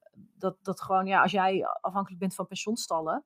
Ja. En het is er gewoon niet binnen 50 kilometer van je huis of 30 kilometer of wat dan ook maar de afstand is die voor jou behapbaar is. Ja, dan, dan Ja. doe je binnen die mogelijkheden het beste wat je kan. Zeker, zeker. Ja. Eens. Ja, en dat, en dat is natuurlijk ook voor jou als instructeur. Als jij zou zeggen van ja, kom alleen maar op stallen waar de paarden 24-7 buiten lopen. Ja. Ja, eh, het is niet haalbaar. En ik, weet je, als je een paard op stal staat, dan kan je al zoveel dingen doen. Je kan al, weet je wel, al voor je kruiden, hang je wat leuks qua verrijking op. Doe eens een keer een spelletje. Toen mijn paard een keer boksrust moest, want ik kon niet anders, had een groot beenprobleem, had ik eh, een spelletje bedacht waarbij ze appels uit de waterton gaat vissen. Ja, dat vinden ze gewoon ook hartstikke leuk. Als je dat soort dingetjes integreert, dan ben je voor mij al een winnaar. Omdat ik denk van, nou, je bent ermee bezig. ja. Ja. En je zou ook veel mensen ehm, buiten, of ja, buitensluiten klinkt wel heel negatief, maar je zou veel mensen afstoten die wel de goede mindset hebben en die wel echt willen op het moment dat je daar heel strak op gaat zitten, denk ik. Ja, zeker. Maar als ik ook terugkijk, ik heb mijn paard natuurlijk nu een eigen beheer aan huis met de Paddock Paradise versus de pensionstal waar ik heb gehad, waar ze gewoon s'nachts op stal gingen en gewoon 's winters ook naar binnen. met bepaalde stallen denk ik, oeh, daar waren ze echt niet hebben, happy. Ja. Maar bij andere stallen denk ik, man, ze gingen daar ook s'nachts op stal, maar eigenlijk waren ze best wel oké. Ja, Ja, ja, ik heb ook wel op stallen gestaan als ik daar naar terugkijk, dat ik denk, nou, daar, daar, mijn stallen stoppen altijd. Hè? Alle s- stallen waar ik sta, die worden verkocht en die stoppen ermee. Maar Oh, ik heb nee. inderdaad wel op stallen gestaan, ja, waar ze dan, waar, ze dan s'nachts op stal gingen, dat ik dacht, ja, maar ze was daar wel, ze oogde daar wel content en tevreden. En inderdaad ook wel op stallen gestaan waarvan ik wel zag van, hé, hey, dit is te veel of te prikkelrijk, waar, waar, waar de spanning opbouwde. ja. Maar ja, dus het, het is toch ook een beetje kijken naar het paard. En, ehm, en ja, gewoon de mogelijkheden die je hebt in je regio. En op het moment dat jij gaat zeggen van iedereen die zijn paard op stal zet of die met bit rijdt, die, die serveer ik direct allemaal af. Dan dat zou het zijn. Ja, is het ook erg zonde voor die mensen. Ja, want die willen juist daar lekker mee aan de gang. En Ja. eh, die zullen vast wel de eerste beste optie kiezen als ze denken, nou ik kan wat beters regelen nu voor mijn paard. Ja, 100%. Maar dan ben ik ook dus heel erg zorgzaam in dat stukje. Hè, dat ik denk van, oeh, ik, wil, ik ben niet echt anti iets. Ik denk meer dat je moet kijken wat handig is voor jouw paard. Ik ben niet bit of bitloos. Ik heb één paard die rijk op bit en ander rijk bitloos. Ja, omdat ze daar gewoon het meest fijn op lopen naar mijn optiek. Ja, dan is dat gewoon zo. Maar als iemand nou een keuze maakt vanuit principe, omdat het moet, of omdat het niet anders kan in jouw hoofd, dan, dan denk ik, hé, hey, dat gaan we eventjes over hebben. Dat is iets anders. Maar als jij zegt tegen mij van, joh, hij loopt het best op en ik heb dit en dit geprobeerd, zeg ik, haal ik mijn handen ervan af hoor. Dan zeg ik, prima. Ja, Ja. ja, kijk, als iemand zegt er moet per se een stang en trends in, want anders krijg je buiten niet, eh, niet geremd. ja Dan is er iets anders aan de hand. precies, precies. Dan Ja. is dat niet de optie. Maar als jij zegt van, joh, mijn paard loopt het lekkerst op een bitje, want ik heb bitloos geprobeerd en hij gooit zijn neus erin en hij is onbestuurbaar. En dat is gewoon, na drie keer was dat gewoon bijna een eh, bijna doodervaring. Dus zeg ik, prima, doe je ding. En Ja, het paard loopt er lekker is- ontspannen op. Ja, Dat is het, hè. het is, het is een beetje zoeken naar de waarom. Ik vind inderdaad ook iemand die zijn paard s'nachts op stal heeft, omdat hij echt zegt van nou, mijn paard doet het daar echt beter op. Of eh, ja, dit is wat er in de buurt is, vind ik heel anders dan iemand die zegt ja, hij staat nu s'nachts op stal. Of hij staat 16 uur per dag of 20 uur per dag op stal. Hij krijgt maar twee keer per dag een plakje hooi, want ik wil per se een binnenbak hebben. Ja, zeker. Dus ik heb, ik, wat ik ook wel eens doe, is staladvies. Dus daar heb ik dus ook op de website staan. Dan kan je een soort van consultje boeken. En eh, dat is niet op gericht van, kijk, dit is mijn plek en eh, je moet het zo doen zoals ik het doe. Helemaal niet. Maar gewoon binnen jouw mogelijkheden open sparren. En ik heb dan oprecht een oordeel. Als jij zegt van, mijn paard staat 20 uur binnen, maar ik wil het graag anders. Ga ik niet zeggen, oh, ben jij een slechte eigenaar? Dan zou ik Ja. dus met jou gaan meedenken over hoe dat dan anders zou kunnen. Of beter. Ja. Dus voor precies voor deze topic heb ik dat dus ook bedacht. Want ik denk, ik wil niet dat jij mij gaat nadoen. Ik wil dat jij gaat nadenken wat voor jou past. Ik heb ook veel dingen gezien, dus misschien kan ik wat zeggen wat jou helpt. Dat. Vaak is het, ja, twee weten meer dan één. En inderdaad vanuit al jouw ervaringen en al jouw plekken die je gezien hebt. Dus, ja, dus wat ik eigenlijk hoor zeggen is, ehm, de mindset van de mens moet vooral passend zijn. En dan Heel belangrijk. ben je redelijk vrij in wie je wel en niet aanneemt. Zeker. En wat ook zo is, ik heb het geluk, dat is per ongeluk ook gegaan, hè, maar ik heb er vijf staan. Allemaal paarden die iets hebben meegemaakt, maar er is altijd wel één paard die lijkt op het paard van diegene waar we het over hebben. Waar ik ook denk, hé, hey, daar heb ik dezelfde probleem mee gehad en ik heb het zo en zo opgelost. Waar iemand denkt, oh, ideaal. Of ik zeg, wil je anders een keertje met die van mij trainen? Want dat is ook wel eens een keer, eh, of in de omgang of whatever. Nou, en dat is Ja. heel, heel fijn, want dan heb je altijd een paard die matcht met een paard van degene waar je het over hebt. En waar ik ook iets over kan zeggen. Ja, Dat is ook wel waardevol, hè? Dat mensen met jouw paarden kunnen trainen, inderdaad. En ook eens iets anders kunnen voelen, wat er wel op lijkt, maar wat toch net iets anders is. Want die cursussen die jij geeft, die zijn bij jou op locatie. En dan Ja. nemen mensen hun paard mee of werken ze dan met jouw paarden? Eh, bij de tweedaagse cursus hebben ze geen paard mee. Dan doen we puur demo's met mijn paarden. En dan mogen ze daar ook met mijn paarden mogen ze daar dan mee aan het werken. En dan match ik het paard een beetje met de persoon. Dan denk ik, hmm, dit kan of juist een goede botsing geven, of juist een eh, hele prettige, fijne harmonieervaring. Dus daar doe ik ook echt naar kijken. We hebben hier ook een hele ruimte aan huis. Dat noemen we de werkplaats. Oh. Dus daar gaan we ook echt zitten. En dan lopen we daarna naar de paarden toe. Er zit een dijk tussen namelijk. En dan gaan we daar eh, verder mee aan de slag. En bij de zesdaagse cursus, zijn de zes weekenden. Nou, zes weekenden, wow, drie weekenden, zes dagen. Eh, dan eh, doen we hetzelfde principe, maar dan gaan we echt eh, de training boosten. Je hoeft geen paard mee te nemen, want ik heb paarden staan. En dan doen we nog steeds theorie en demo's. En dan kun je dus eentje van mij pakken. En ik kan ook zeggen, joh, ik wil eentje die een beetje matcht met mijn paard. Of juist totaal niet, hè. Dat echt een paard dat totaal niet erop lijkt. Ja. Dat is ook wel eens ook- lekker. Ja, maar heel veel mensen zeggen ook van wow. Of we doen een switch, hè. Zeg, nu ruilen jullie eens om. En dan denkt iemand, wow, wow hoe, hoe zit het nou? Ehm, dus dat is heel erg leuk. Maar mensen nemen ook wel een paard mee. En dan heb ik max plek voor twee, drie paarden. En dan moeten mensen ook een beetje leren.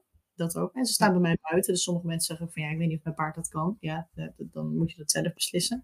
Ja, Maar dat is echt, eh, dat is echt fun. En dan gaan we met z'n allen gaan daar een beetje in roleren en proberen. En dan gaan mensen eens toepassen wat de oefeningen zijn. Nou, echt superleuk. Dat is echt lachen. Maar vooral, eh, wat ik ook heel erg veel merk, is grenzen verleggen. Mensen die dan toch ergens denken van, nou, ik krijg eigenlijk meer die ontspanning in mijn vingers. Want ik kan dat een beetje gaan sturen. En aanreiken. Ik ben niet meer overgeleverd aan een paard dat er keihard van doorgaat. Ja. En ik kan helemaal niks. En die zegt, nou, ik wil eigenlijk wel proberen op te zitten vandaag. Hij is zo relaxed. Ik denk, nou, Ja. zie? Dat. Ja, er, komen, er komt weer ruimte voor, voor mogelijkheden. Doordat je die basis, dus wat je net vertelde ook over de fysieke oefeningen, doordat je de basis weer, ja, de fundering versterkt. Daarop kan je ook gaan bouwen. Ja, maar ook dat je als mens zijn, niet dat je controle hebt, want dat is niet het goede woord, maar het is meer dat je een soort van invloed kan uitoefenen en niet meer bent overgeleverd aan je paard die er Ja. maar vandoor schiet.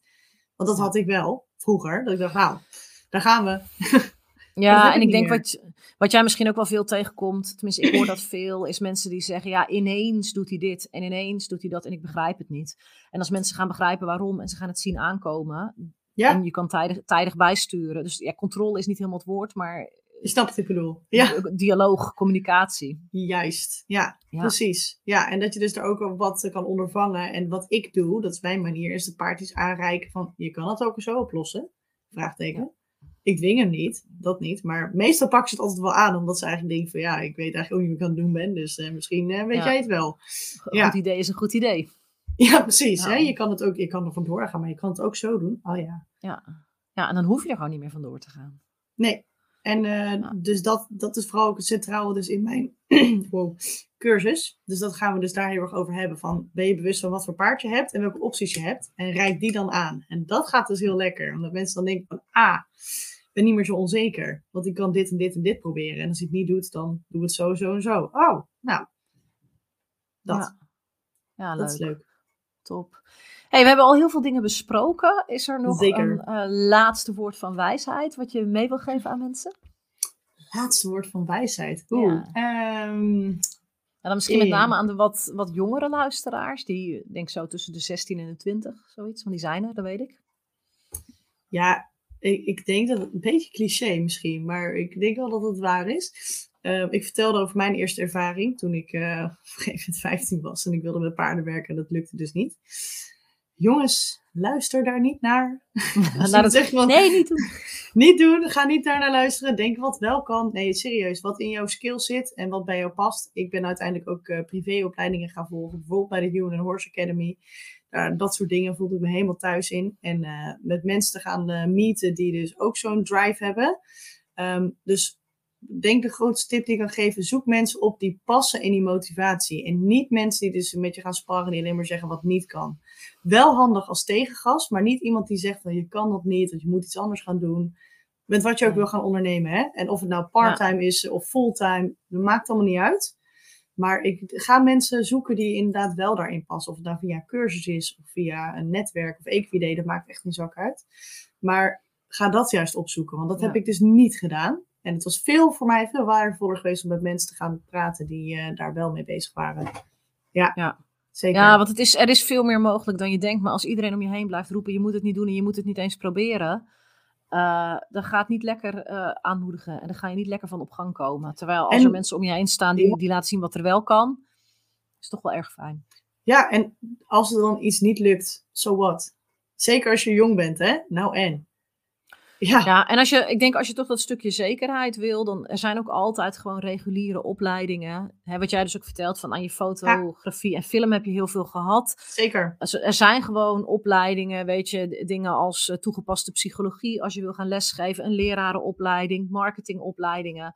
Er zijn gewoon dingen die je en een, een carrière in loondienst kunnen geven en daarnaast ook veel skills opleveren die je later, in, of naast je loondienstbaan, ook in een bedrijf kan inzetten. Sowieso. En ik denk aansluitend daarop aan, is misschien ook nog wel goed om even te zeggen. Ik heb tot aan mijn twintigste heb ik overal nergens, daarna, daarna ook nog wel, maar echt actief heb ik overal gewerkt en dingen gezien. En paardenwereld is niet altijd mooi. Het is zwaar en het is gewoon uh, keihard werken. Dus als jij een bepaald beeld ervan hebt, dan raad ik echt aan om gewoon serieus, ga eens een paar maanden, een jaar, een paar jaar ergens werken.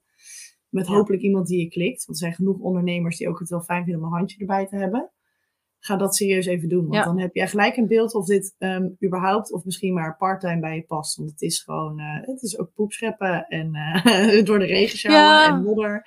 Ja, ja en dat kan nou les geeft veel... of niet. Ja, ja, en dat kan in heel veel constructies. Want je kan zeggen, ik neem een gap year na, na de middelbare school. Dat je, dat je echt een jaar lang gaat experimenteren. Maar je kan ook gewoon zeggen van, hè, vanaf je 14 of 15 neem je, ga je op zaterdag ergens helpen of ondersteunen. Er zijn heel veel constructies in mogelijk natuurlijk. Dus je kan daar zelf in uitpuzzelen wat bij jou past. maar niet ben... gelijk die droom, de droom opgeven nee. omdat er iemand roept, doe maar niet. Nee, dat is dus één. En twee, ik ben, joh, ik heb drie jaar lang als stalhulp gewerkt. Ik had blaren op mijn handen. Het was, ik had gebroken rug. Ik had zweet op mijn voorhoofd. En dan kreeg ik misschien aan het eind van de dag kreeg ik één ritje cadeau op een haflinger. Nou, dat was ja. dan mijn leven. En ik heb daar doorheen geploeterd. En ik denk niet dat iedereen dat zo hoeft te doen. Maar ik had wel zoiets van, ja, dit is dus wel ook hoe het eruit ziet. Hè? Dat is wel ja. wat ik had van het verhaal. Dus ik denk wel dat het ook belangrijk is. Omdat ik ook genoeg mensen ken om mijn kring die ook een bedrijf hebben gestart met paarden. En die dus zegt tegen mij, goh, dat ziet er wel anders uit dan dat ik dacht. Ik dacht, ja, ja. dat klopt. Dus dat hoort ja, er ook dat, beetje bij. Oké, okay. dus, dus eigenlijk de twee kanten van dezelfde medaille. Geef de droom niet op. Uh, maar onderzoek ook wel even of het wel echt is wat je ervan verwacht en hoopt. Ja, absoluut. Ja, deze twee. Ja. Dat is wat ik. Nou, dat is wat het is. Wij, wijze woorden van ons, Bo. Wauw. Ja. Hey, als mensen, als mensen wat, ik ga natuurlijk sowieso in de beschrijving van de podcast zet ik je website en dergelijke, maar mensen kunnen dus bij jou terecht voor lessen uh, en cursussen op dit moment. Ja, lessen, cursussen, um, lezingen, informatie, uh, clinics, ook wel podcast, van alles en nog wat. En uh, straks ook een online cursus. Dus als mensen dat willen zien, dan moeten ze me even in de gaten houden. Ja. En dat doe je op Instagram? Yep, dat staat allemaal ja. op. Allemaal op. Ja. Ja, dus ik zet, uh, ik zet de link naar jouw website en naar je Instagram. Zet ik gewoon in de beschrijving. Dan kunnen mensen gewoon lekker jou gaan volgen. En dan zien ze vanzelf wat je allemaal uitspookt. En dan zien ze helemaal aanbod vanzelf voorbij komen. Helemaal ja. leuk. Oké. Nou, hartstikke leuk, Bo. Dankjewel voor uh, alle informatie. Ik denk een, uh, een inspirerend verhaal. Wel voor jonge luisteraars, maar ook wel voor mensen die wat verder zijn in een bedrijf. Van toch ook weer wat tips gegeven over aan klanten komen, marketing, dat soort dingen. Dus uh, ik denk weer een leuke, afwisselende allround aflevering geworden zo. Ik denk het ook. Ik vond het fun. Ik vond nou, fun. top. Daar doen we het voor. Helemaal leuk. Dankjewel.